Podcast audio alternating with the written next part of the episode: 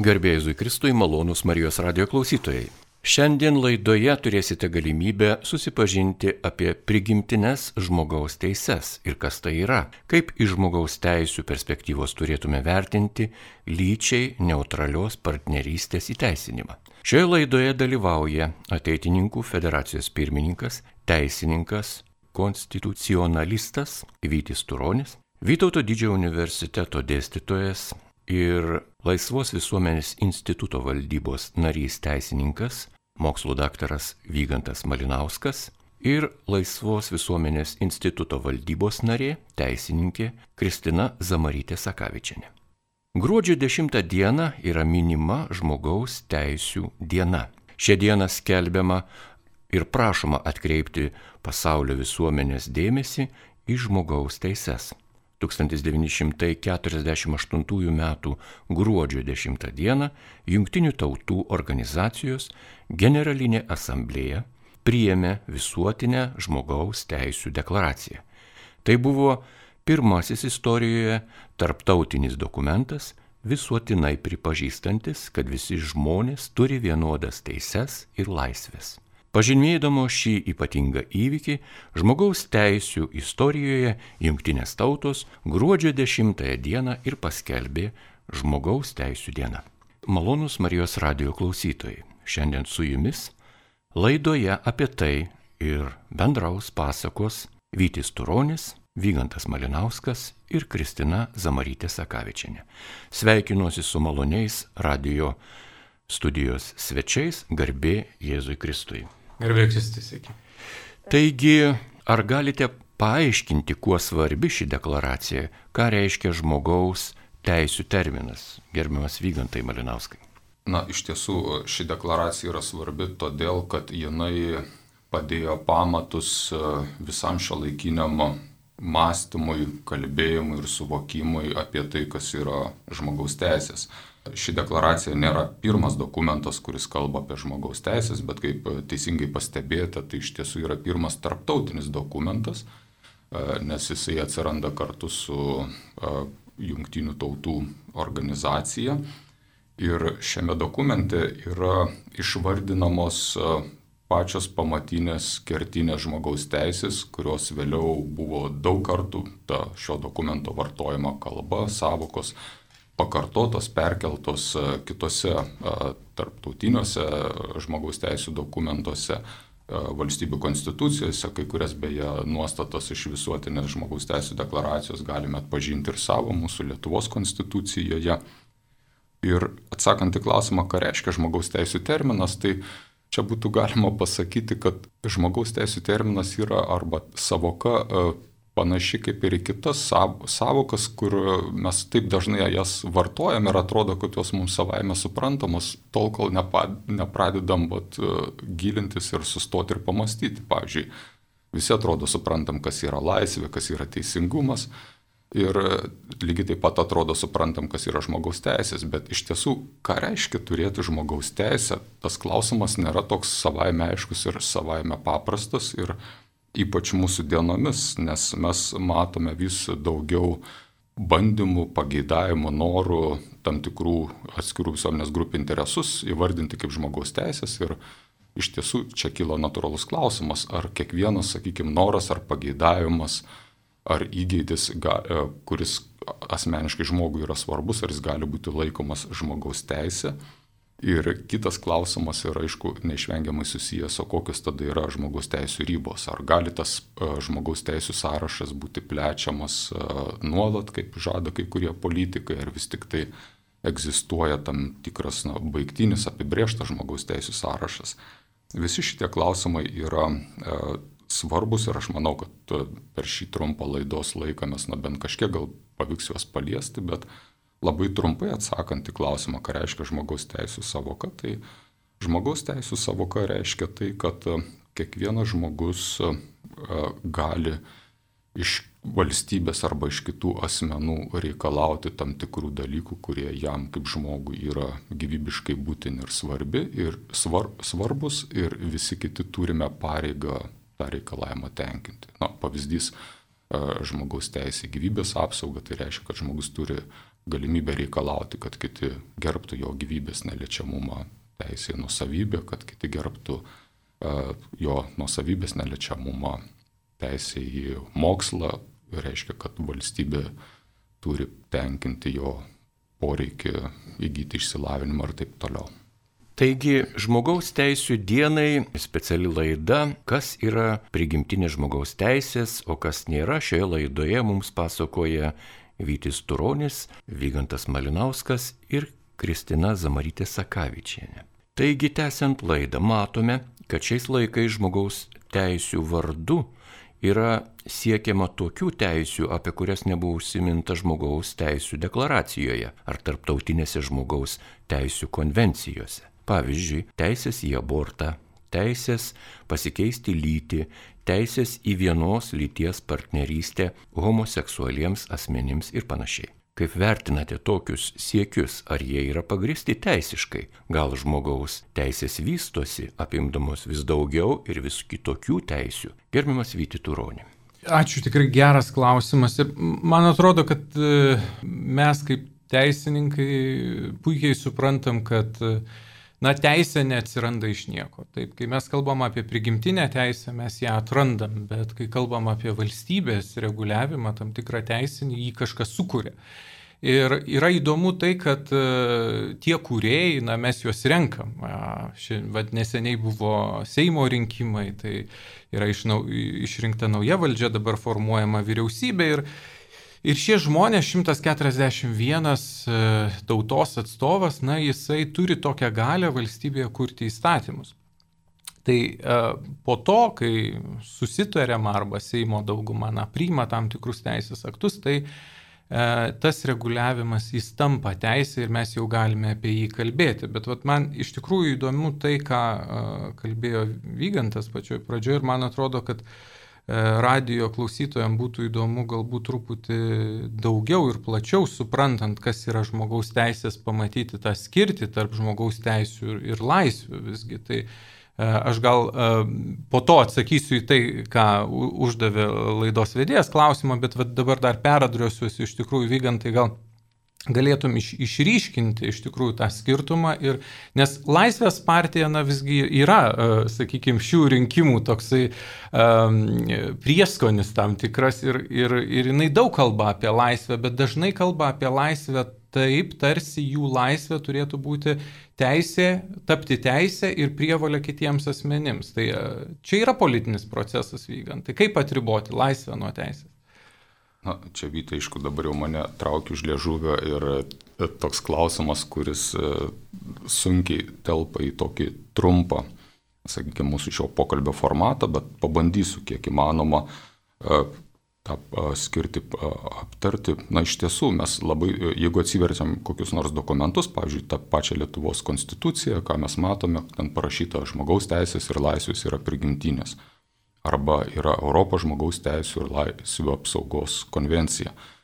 Kodėl neužtenka paminėti tik teisės, bet kodėl va, dokumentuose minima teisės ir laisvės. Ir atsakymas yra tai, kad vis tik tai teisės ir laisvės e, nėra visiškai tas pats. Turėti teisę nėra visiškai tas pats, kas turėti laisvę. Tai yra susiję mums kaip žmonėm, kad mes galėtume gyventi pilnavertį mūsų prigimtį atitinkantį gyvenimą, būtinos teisės ir laisvės bet e, jos skiriasi ir tas skirtumas yra reikšmingas. Ir pabandysiu aš tą skirtumą paaiškinti na, tokiu pavyzdžiu. E, kaip jau minėjau, teisę turime tik tada, jeigu kažkas kitas turi pareigą e, tenkinti iš mūsų teisės kylantį reikalavimą. Kitaip tariant, teisės visada sukuria kažkam pareigas. O laisvė priešingai yra tokia būklė, kai aš neturiu pareigos klausyti arba tenkinti kieno nors reikalavimo. Ir čia mes matom tokį na, labai svarbų dalyką, kad teisės ir laisvės tarpusavį yra susiję fundamentaliai, bet jos tuo pačiu yra viena kitai atvirkščiai proporcingos. Jeigu kažkas turi daugiau teisų, tai kažkas tada neišvengiamai turi turėti daugiau pareigų, bet kuo žmogus turi daugiau pareigų, jis turi mažiau laisvių. Ir čia pasimato, kad e, yra situacija, kad jeigu mes norime plėsti kažkieno teisės, neišvengiamai mes turime siaurinti kažkieno laisvės. Ir atvirkščiai, jeigu plečiame kažkieno laisvės, turime siaurinti kažkieno teisės. Pavyzdys konkretus būtų toks, sakykime, yra darbininko teisė gauti atlyginimą ir darbdavio laisvė mokėti ar susitarti su darbininku. Tai jeigu, sakykime, darbdavys būtų visiškai laisvas pats nuspręsti, kokį jis atlyginimą mokat, kitaip tariant, jo laisvė būtų šitoje vietoje neribota, tai darbininko teisė gauti teisingą atlyginimą arba minimalų atlyginimą praktiškai neegzistuotų arba būtų labai maža. Ir atvirkščiai, jeigu, sakykime, valstybė įtvirtintų darbininko teisę gauti ne tik minimalų, bet pavyzdžiui no, vidutinį arba maksimalų atlyginimą, tai šitoj vietoj tada nebeliktų darbdavio teisės tartis su darbininku dėl jo atlyginimo dydžio. Tai va, manau, kad tuo pavyzdžiu galima e, pabandyti pailustruoti tą e, jungti ir čia, va, kaip Vyti minėjai, e, kai, kai kurie politikai, pavyzdžiui, žada, kad sako, turėsite daugiau teisų ir laisvių. Ne, taip negali būti. Ir jeigu politikai žada plėsti kažkokią laisvę, tai visada galime paklausti, o kokios teisės sąskaita tai darysite ir atvirkščiai. Tai va, iš tikrųjų ir, ir man panašiai susidaro įspūdis, kad kai kurie a, politikai, kalbėdami tai, kad, apie tai, kad jie nori daugiau laisvės valstybėje, iš tikrųjų jie a, giliai a, e, savo pasąmonėje ir politinėje darbo tvarkėje atneša na, daugiau suvaržymų iš tikrųjų, nes a, kuo daugiau teisės, a, mūsų valstybėje, kuo daugiau reguliavimo, tuo mažiau mes laisvės turime susitarti. Ir tai yra žiauriausia ir aš jau pereinu prie, prie, tokio, prie, prie, prie savo to klausimo dalies, tais atvejais, kai visuomenėje na, vyksta tikrai e, tam tikras diskursas. Ir žmonės na, diskutuoja, aktyviai diskutuoja dėl tam tikrų reiškinių, ar jie yra priimtini, ar jie nepriimtini, ar mūsų valstybė turėtų eiti vienu kitu ar keliu, kitu keliu. Ir tokiais atvejais atėjęs, na, politikas ar tam tikra politinė grupė, bandydama įtvirtinti savo moralinės nuostatas, na, nepaisydama šito viešojo diskurso, jinai iš tikrųjų suvaržo demokratinį procesą mums kaip teisininkams, na tada yra įdomu, mes galime analizuoti, kokie tie teisės aktai, koks jų santykis su prigimtinė teisė, su konstitucinė teisė, kaip tai dera ir panašiai. Bet iš tikrųjų Lietuvoje, kurioje yra toks mažas pilietinio dalyvavimo indeksas, mano galva tai yra grėsmė demokratijai. Iš tikrųjų, pirmiausiai.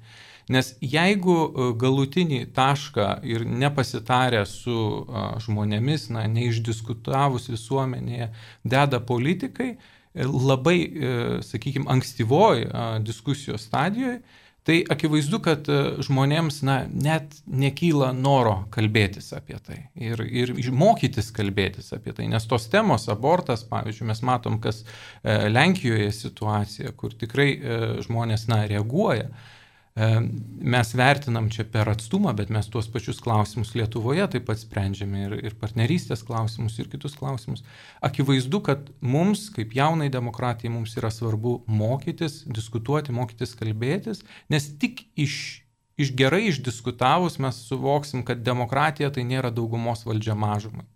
Man atrodo, kad labai dažnai e, mes irgi šiuo metu tokia išgyvenam tam tikrą tarpsnį mūsų valstybėje, kada e, visada skaidomės į tas dvi dalis. Na, kas paims tą daugumą, kas turės tą galę, kas galės e, primesti kitiems savo moralinį standartą ar, ar, ar kažkokį tai politinę darbo tvarkę.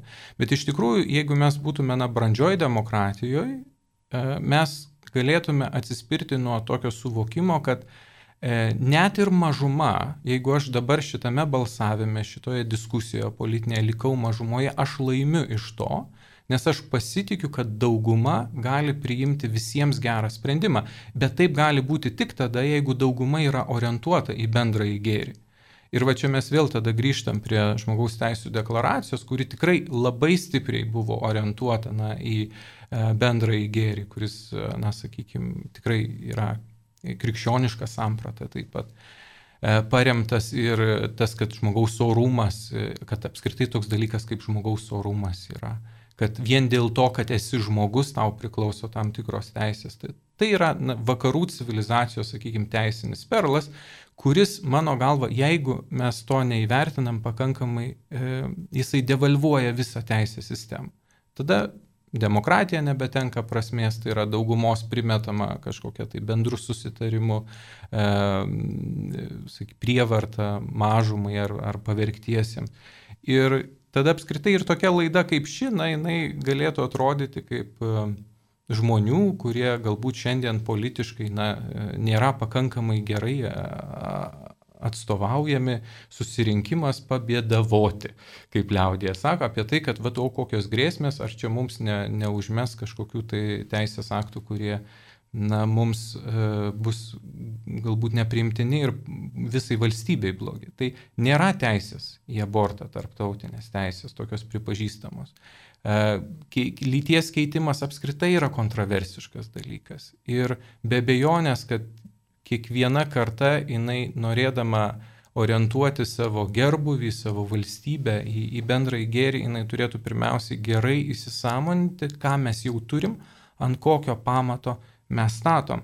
Ir labai gaila, kad dažnai, na, visa tai, ką civilizacija laimėjo, ką mes švenčiam, žmogaus teisų dieną, vad būtent 48 metų deklaraciją minim, atrodo, kad tai buvo nereikšminga kad tai, kad tai reikia nubraukti. Mano galva ne. Aš ir gerbėmiem klausytojams siūlau iš tikrųjų prieš mąstydami apie visokias naujoves, apie tai, ką galėtume dar įvesti į mūsų teisinę sistemą, pirmiausiai turim suvokti, o kodėl yra taip, kaip yra. Ir galbūt tada, kai mes tai suprasim, mums nebereikės naujų teisų. Staptelkime ties klausimu, kuris, kaip matome, iš politinių realijų yra gana aktualus ir vienas iš aktualiausių. Žmogaus teisų vardan yra planuojama Lietuvoje įteisinti lyčiai neutralią partnerystę. Ar galėtumėte paaiškinti, ką reiškia tokia teisėkuros iniciatyva, gerbiama Kristina? Iš karto galima galbūt pasakyti tame kontekste, kuriame mes diskutuojame, kad nors, kaip jūs pastebėjote, lyčiai neutrali partnerystė arba homoseksualių asmenų partnerystė pateikiama kaip na, tam tikra žmogaus teisė arba žmogaus teisų kontekste. E, iš tiesų tokios teisės nėra nei žmogaus teisų deklaracijoje, nei kitose privalomose Lietuvai žmogaus teisų konvencijose. E, kalbant apie partnerystę, kad suprasti, ką reiškia ši teisėkuros iniciatyva, norisi pradėti nuo to, kad dažnai žmonės e, supainioja va, šitas pats žodis, kuris skamba lyg kažkokia partnerystė, verslo partnerystė. Ir, ir neretai kyla toks įspūdis daugumai, kad tai nėra kažkas panašaus į santoką kad tai, kad tai kuria e, šeimos tarp dviejų žmonių, bet tik tai sprendžia tam tikrus praktinius dalykus. Tačiau esmė yra ta, kad partnerystė iš tiesų pagal tai, kaip ji būtų reguliuojama Lietuvos teisinėje sistemoje, civilinėme kodekse, ji tarp dviejų suaugusių asmenų, kurie nėra susiję giminystės ryšiais, kurtų šeimos teisinius santykius. Na, kitaip tariant, jį teisintų uh, santokai alternatyvų šeimos kūrimo būdą ir teisinė prasme tai būtų tam tikras m, ar santaikos pakaitalas, arba tiesiog kitų žodžių pavadinta civilinė santoka. Nes partnerystė suteiktų ir tas šeimos santykius ir didžiąją dalį e, tų pačių šeimos teisų, bet mažiau įsipareigojimų. Pavyzdžiui, yra mažesnis e, arba lengvesnis partnerystės sudarimo ir nutraukimo būdas nei santokos. Tai ką iš esmės naujo įneštų partnerystė į Lietuvos teisinę sistemą. Šiuo metu e, Lietuvos konstitucija ir, ir net trys e, įstatymai, pavyzdžiui, civilinis kodeksas, šeimos stiprinimo įstatymas, vaiko teisų apsaugos pagrindų įstatymas, šeimos sampratą apibrėžia per vyro ir moters bei jų vaikų tarpusavio santykius tas lyčių papildomumo principas įtvirtintas na ne viename įstatyme ir konstitucijoje. Ir jeigu mes kalbame tik apie vyro ir moters šeimas, tai partnerystė būtų perteklinis institutas teisėje, nes na, vyras ir moteris, kurie nori sukurti šeimą, gali susituokti, tai yra, jie gali sudaryti civilinę santuoką, jiems jau dabar yra tokia galimybė. Ką naujo iš tiesų partnerystės įstatymas iš esmės naujo įneštų Lietuvos teisinę sistemą, tai tai, kad jos įteisinimas įvestų naują šeimos santykių atsiradimo pagrindą. Tai yra dviejų tos pačios lyties asmenų partnerystė. Kitaip tariant, e, teisinėje šeimos sampratoje būtų atsisakyta to dabar esminio lyčių papildomumo principo. Na ir šeima, šeima galėtų kurti homoseksualios poros. Na ir čia iškyla klausimas, ar teisinga keisti teisinę šeimos sampratą ir atsisakyti to lyčių papildomumo principo. Atsakant, na, svarbu suprasti, kad šeima nėra tik tai teisinis konstruktas, kurio apibrėžimas priklauso nuo valdžios, nuo įstatymo leidėjo valios e, ir tos daugumos, kuri šiuo metu yra išrinkta. Šeima yra prigimtinė bendruomenė, kuri kyla iš prigimtinių e, savybių žmogaus ir žmoguje sąlygoto to lyčių papildomumo kuris yra būtinas visiems prigimtiniams šeimos ryšiams - tėvystėj, motinystėj, giminystės ryšiams tarp brolių ir seserų. E, tai ši prigimtinė bendruomenė negali būti laisvai kaitaliama kažkokiamis, na, teisinėmis fikcijomis, kaip nusprendė įstatymo leidėjas. Kitas svarbus momentas, kalbant apie e, lyčiai neutralią partnerystę kaip teisėkuros iniciatyvą, e, Svarbu yra tai, kad tai, ką valstybė laiko šeima, e, ir tam suteikia tokį labai išskirtinį statusą, net konstitucija vadina valstybės ir visuomenės pamatų šeimą. Ir, ir ta valstybė pagal konstituciją, pagal įstatymus turi remti, skatinti ir stiprinti. Ir natūralu, kad valstybė remia e, ir skatina ir kviečia asmenys pasirinkti santuokinę vyro ir moters šeimą, nes ji yra akivaizdžiai labai svarbi bendrajam gėriui. Na, galima sakyti, kad e, vyro ir moters šeima e, yra valstybės toks gyvybingumo branduolys dėl, dėl dviejų esminių dalykų. Tai pirma, dėl to, kad jinai turi potenciją gimdyti vaikus, valstybės piliečius, juos auginti, auklėti palankiausiai e, vyro ir moters, tėčio ir mamos e, šeimoje. Na ir antras aspektas yra tai, kad šeima, tokia vyro ir moters šeima, kuria tvarius vidinius santykius, kurie yra paremti natūraliais giminystės ryšiais ir bendrais vaikais tarp sutoktinių. Ir dėl šių prigimtinių savybių vyro ir moters šeima yra sujungta ir sutvirtinta tas gyvybiniais saitais, iki šiol buvo laikoma tuo vieninteliu galimu valstybės ir visuomenės pamatu. O lyčiai neutrali partnerystė tokią sampratą pakeistų, nes šeima imtume laikyti ir tas poras, kurios neturi šių prigimtinių savybių kylančių iš to lyčių papildomumo. Ir tai turėtų įtakos ne tik tai žmonių supratimui, kas yra šeima, kokia jos esmė, bet ir keistų visą šeimos politiką, nes būtent šeimos e, savoka yra svarbi, kai kalbam apie tai, ką valstybė skatina, remia ir kaip e, vykdo tą šeimos politiką. Pavyzdžiui, teisinus lyčiai neutralią partnerystę ir homoseksualių šeimų atžvilgių būtų taikomas šeimos stiprinimo įstatymas, kuris nustato, kad valstybės ir savivaldybių institucijos pagal kompetenciją privalo stiprinti visuomenėje teigiamą požiūrį į šeimą, stiprinti visuomenės ir valstybės pagalbą ir paramą šeimai, na ir, ir, ir kitas pareigas valstybei šeimos atžvilgių nustato. Kitas dar svarbus momentas, kalbant apie partnerystę ir įteisinimą jos, kokios pasiekmes būtų, yra tai, kad nuo šeimos sampratos priklauso ir lytiškumo ugdymo bei rengimo šeimai programos turinys, pagal kurį mokiniai yra rengiami mokyklose šeimai. Šiuo metu toje programoje yra taip nuosaikiai tik užsiminta, kad na, egzistuoja ir kita seksualinė orientacija, kad reikia gerbti visus žmonės ir, ir, na, ir iš esmės tiek. Tačiau jeigu mes pakeisime šeimos sampratą į teisinę lyčiai neutralią partnerystę, tai tos skirtingos šeimos formos ir, ir, ir mokinių rengimas joms programoje turės būti pateikiami kaip lygiaverčiai pasirinkimai. Na ir čia gal psichoterapeutai ir psichologai galėtų detaliau paaiškinti, bet na, aš bendrais bruožais irgi galiu pasakyti tik tai tai, kad tas homoseksualių santykių populiarinimas ar nu, tinkamas rengimas šeimai, kuris neišvengiamas įteisinant partnerystę, vis dėlto darytų įtaką paaugliams ar jaunuoliams, kurių lytinė orientacija yra dar nesus, nenusistovėjusi.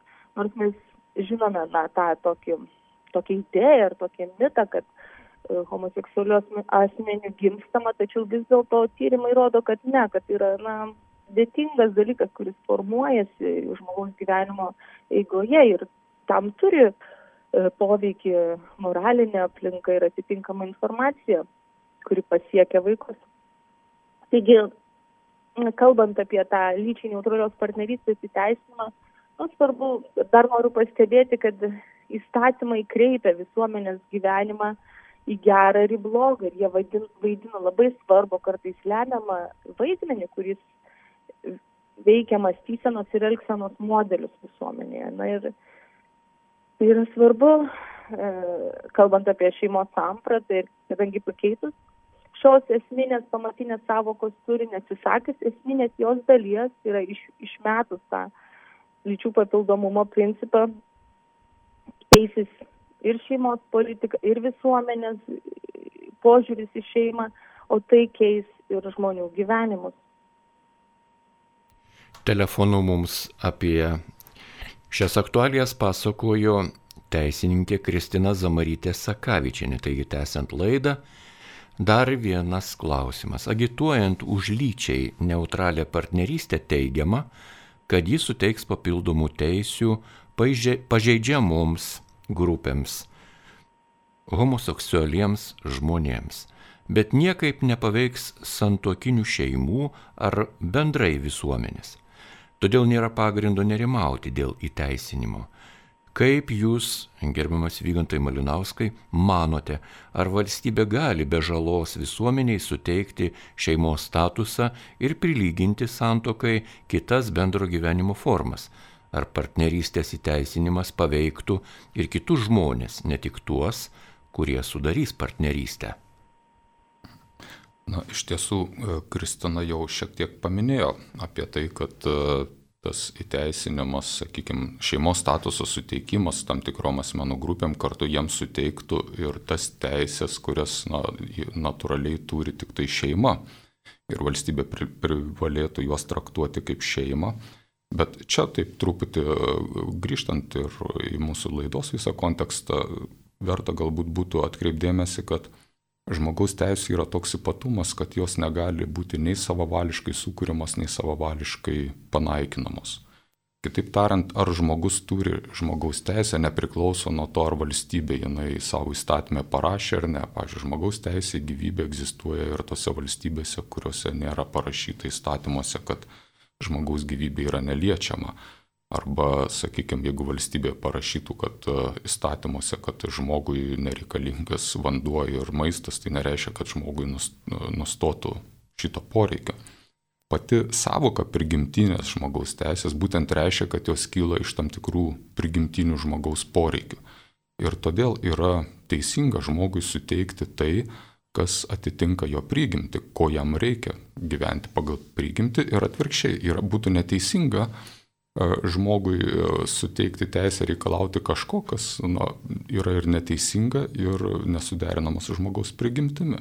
Tas klausimas, dažnai tą beje klausimą kelia e, homoseksualių asmenų santokos arba partnerystės šalininkai, sako, o kas čia blogo, sako, jeigu mes suteiksim šeimos statusą vat, tos pačios lyties poroms jūs vis tiek toliau galėsite kurti savo e, heteroseksualias šeimas, vyro ir moters šeimas, tai, o, o mes tiesiog vat, kursime kitokias šeimas, kas čia blogo. Tai atsakymas šitą klausimą nu, glūdėtų toj mūsų diskusijai, kurią mes pradėjom laidą, kad vis tik tai teisės niekad nelieka be pasiekmių laisvėms ir atvirkščiai.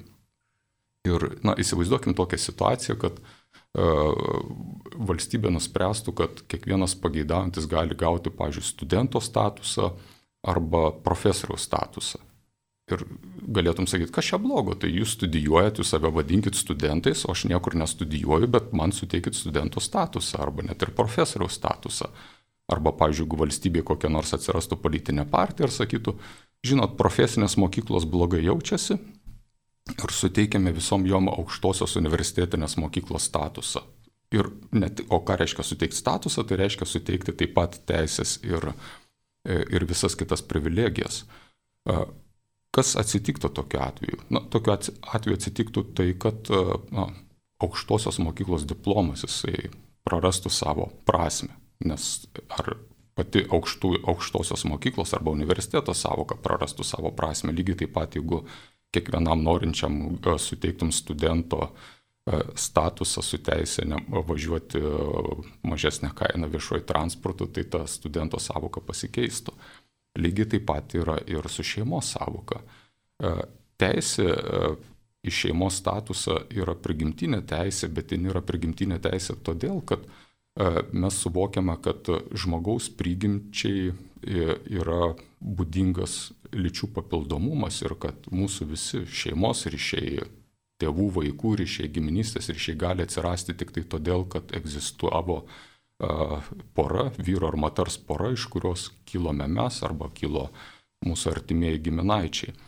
Ir tai yra tas prigimtinis pagrindas, apie kurį kalbėjo ir Kristina, kad iš, tik, iš tiesų valstybė neturi pasirinkimo nepripažinti šeima asmenų, kurie atitinka jų, sakykime, gyvenimo bendrystė atitinka šeimos bruožus. Ir kita vertus, valstybė taip pat neturi pareigos pripažinti šeimą tų, kurie neturi to šeimos savybių. Tai čia būtų tokie gal pagrindiniai pastebėjimai. Ačiū teisininkui, mokslo daktarui Vygantui Malinauskui ir tęsime laidą. Gerbiamas Vyti Turoni, ar yra kita alternatyva, kuri padėtų išspręsti homoseksualių asmenų problemas? Ar galite pristatyti susitarimo dėl bendro gyvenimo projektą, ar palyginti su partneryste? Galima susidaryti įspūdį, kad ir vienu ir kitu atveju abu projektai įteisintų tos pačios lyties sąjungas, o tam bažnyčios dokumentai įpareigoja katalikus griežtai prieštarauti. Ar yra kažkokių esminių skirtumų?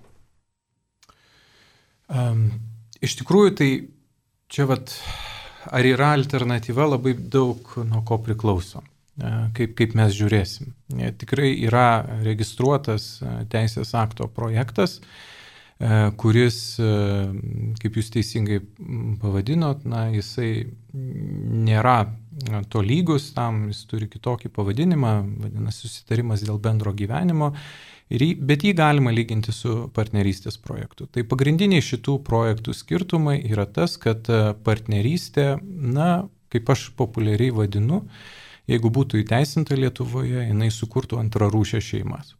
Ir, ir šito labai, reiškia, ne, nemėgsta žmonės girdėti, ypač partnerystės palaikytojai, bet jie pritarė. Ir kodėl jie pritarė? Nes jie puikiai supranta, kad jeigu iš tikrųjų yra tikslas žmonių labai paprastas - sulyginti tos pačios lyties asmenų bendrą gyvenimą su tuo, ką mes šimtus metų laikėm šeima ir suvokėm esant šeima, tai tuomet e, neužtenka tik tai kažkokios tai na, partnerystės instituto. Turi būti suteikta teisė sudaryti santoką. Ir tik tai vat, santokos sudarimas, jisai jau, galima sakyti, jau išlygintų iš tikrųjų ir, ir, ir sulygintų galutinai tos pačios lyties porų statusą valstybėje su, su šeimų statusu. Tai e, tuo aspektu ir skiriasi šitie projektai, nes e, vienas projektas sprendžia praktinės, asmenų turtinės klausimus, bendro gyvenimo klausimus, tai yra susitarimo dėl bendro gyvenimo projektas. O kitas, jisai jau o, suteikia šeimos e, statusą, jisai aptaria ir, ir reglamentuoja asmenų neturtinius tarpusavio santykius, tai tuo šie projektai labai skiriasi. E, manyčiau, kad iš tikrųjų e, kurį laiką, jau gal kokį pastarąjį dešimtmetį, e, tas tęsiasi bandymas įteisinti partnerystę ir jisai labai kilniai prasidėjo. Jisai prasidėjo nuo to, kad iš tikrųjų didelė dalis vyrų ir moterų gyvenančių kartu na, niekaip neprisirengė sudaryti santokos. Bet kadangi šeimoje dažnai įkyla įvairių įtampų ir, ir blogai baigėsi, jeigu šeima išyra, valstybė norėdama padėti silpnesniai šaliai, namastė, kaip čia dabar mes e, galėtume tą padaryti. Ir, ir teisės sistema, na, jinai kupina yra tokių visokių saugiklių, kurie padeda e, moteriai, pavyzdžiui, likusiai vienai su vaiku, bent jau stengiasi padėti nelikti visiškam skurde. Ir tai, tai yra dalis šeimos politikos. Kai mes kalbam apie tos pačios lyties asmenų santykius, akivaizdu, kad a, jeigu to, iš tokio santykio na, negimsta vaikai natūraliai, tai ir tokių problemų a, nelabai būtų galiausiai.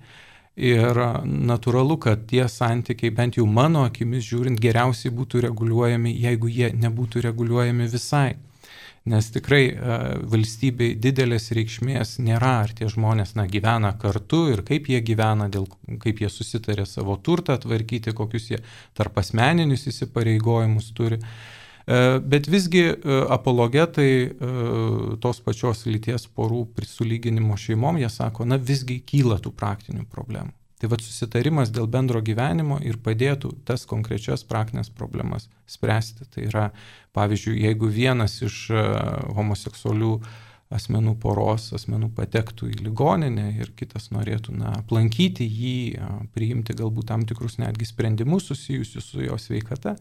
Ir jeigu tai neprieštarautų um, kitiem teisės aktom, tuomet jis tą galėtų daryti ir supaprastinta tvarka tą būtų galima daryti. Tai čia galima vardinti daugiau tų teisių, bet žinoma, apimtis yra siauresnė, jinai reguliuoja iš esmės asmenų turtinius santykius ir jinai nesulygina, šis projektas nesulygina tos pačios lyties porų su šeimomis.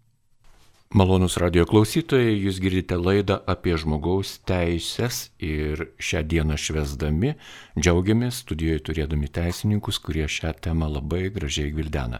Bet laida eina į pabaigą. Taigi apibendrinant ir gal dar yra kokių skelbimų, gerbiami Vyti ir gerbiamas Vygantai.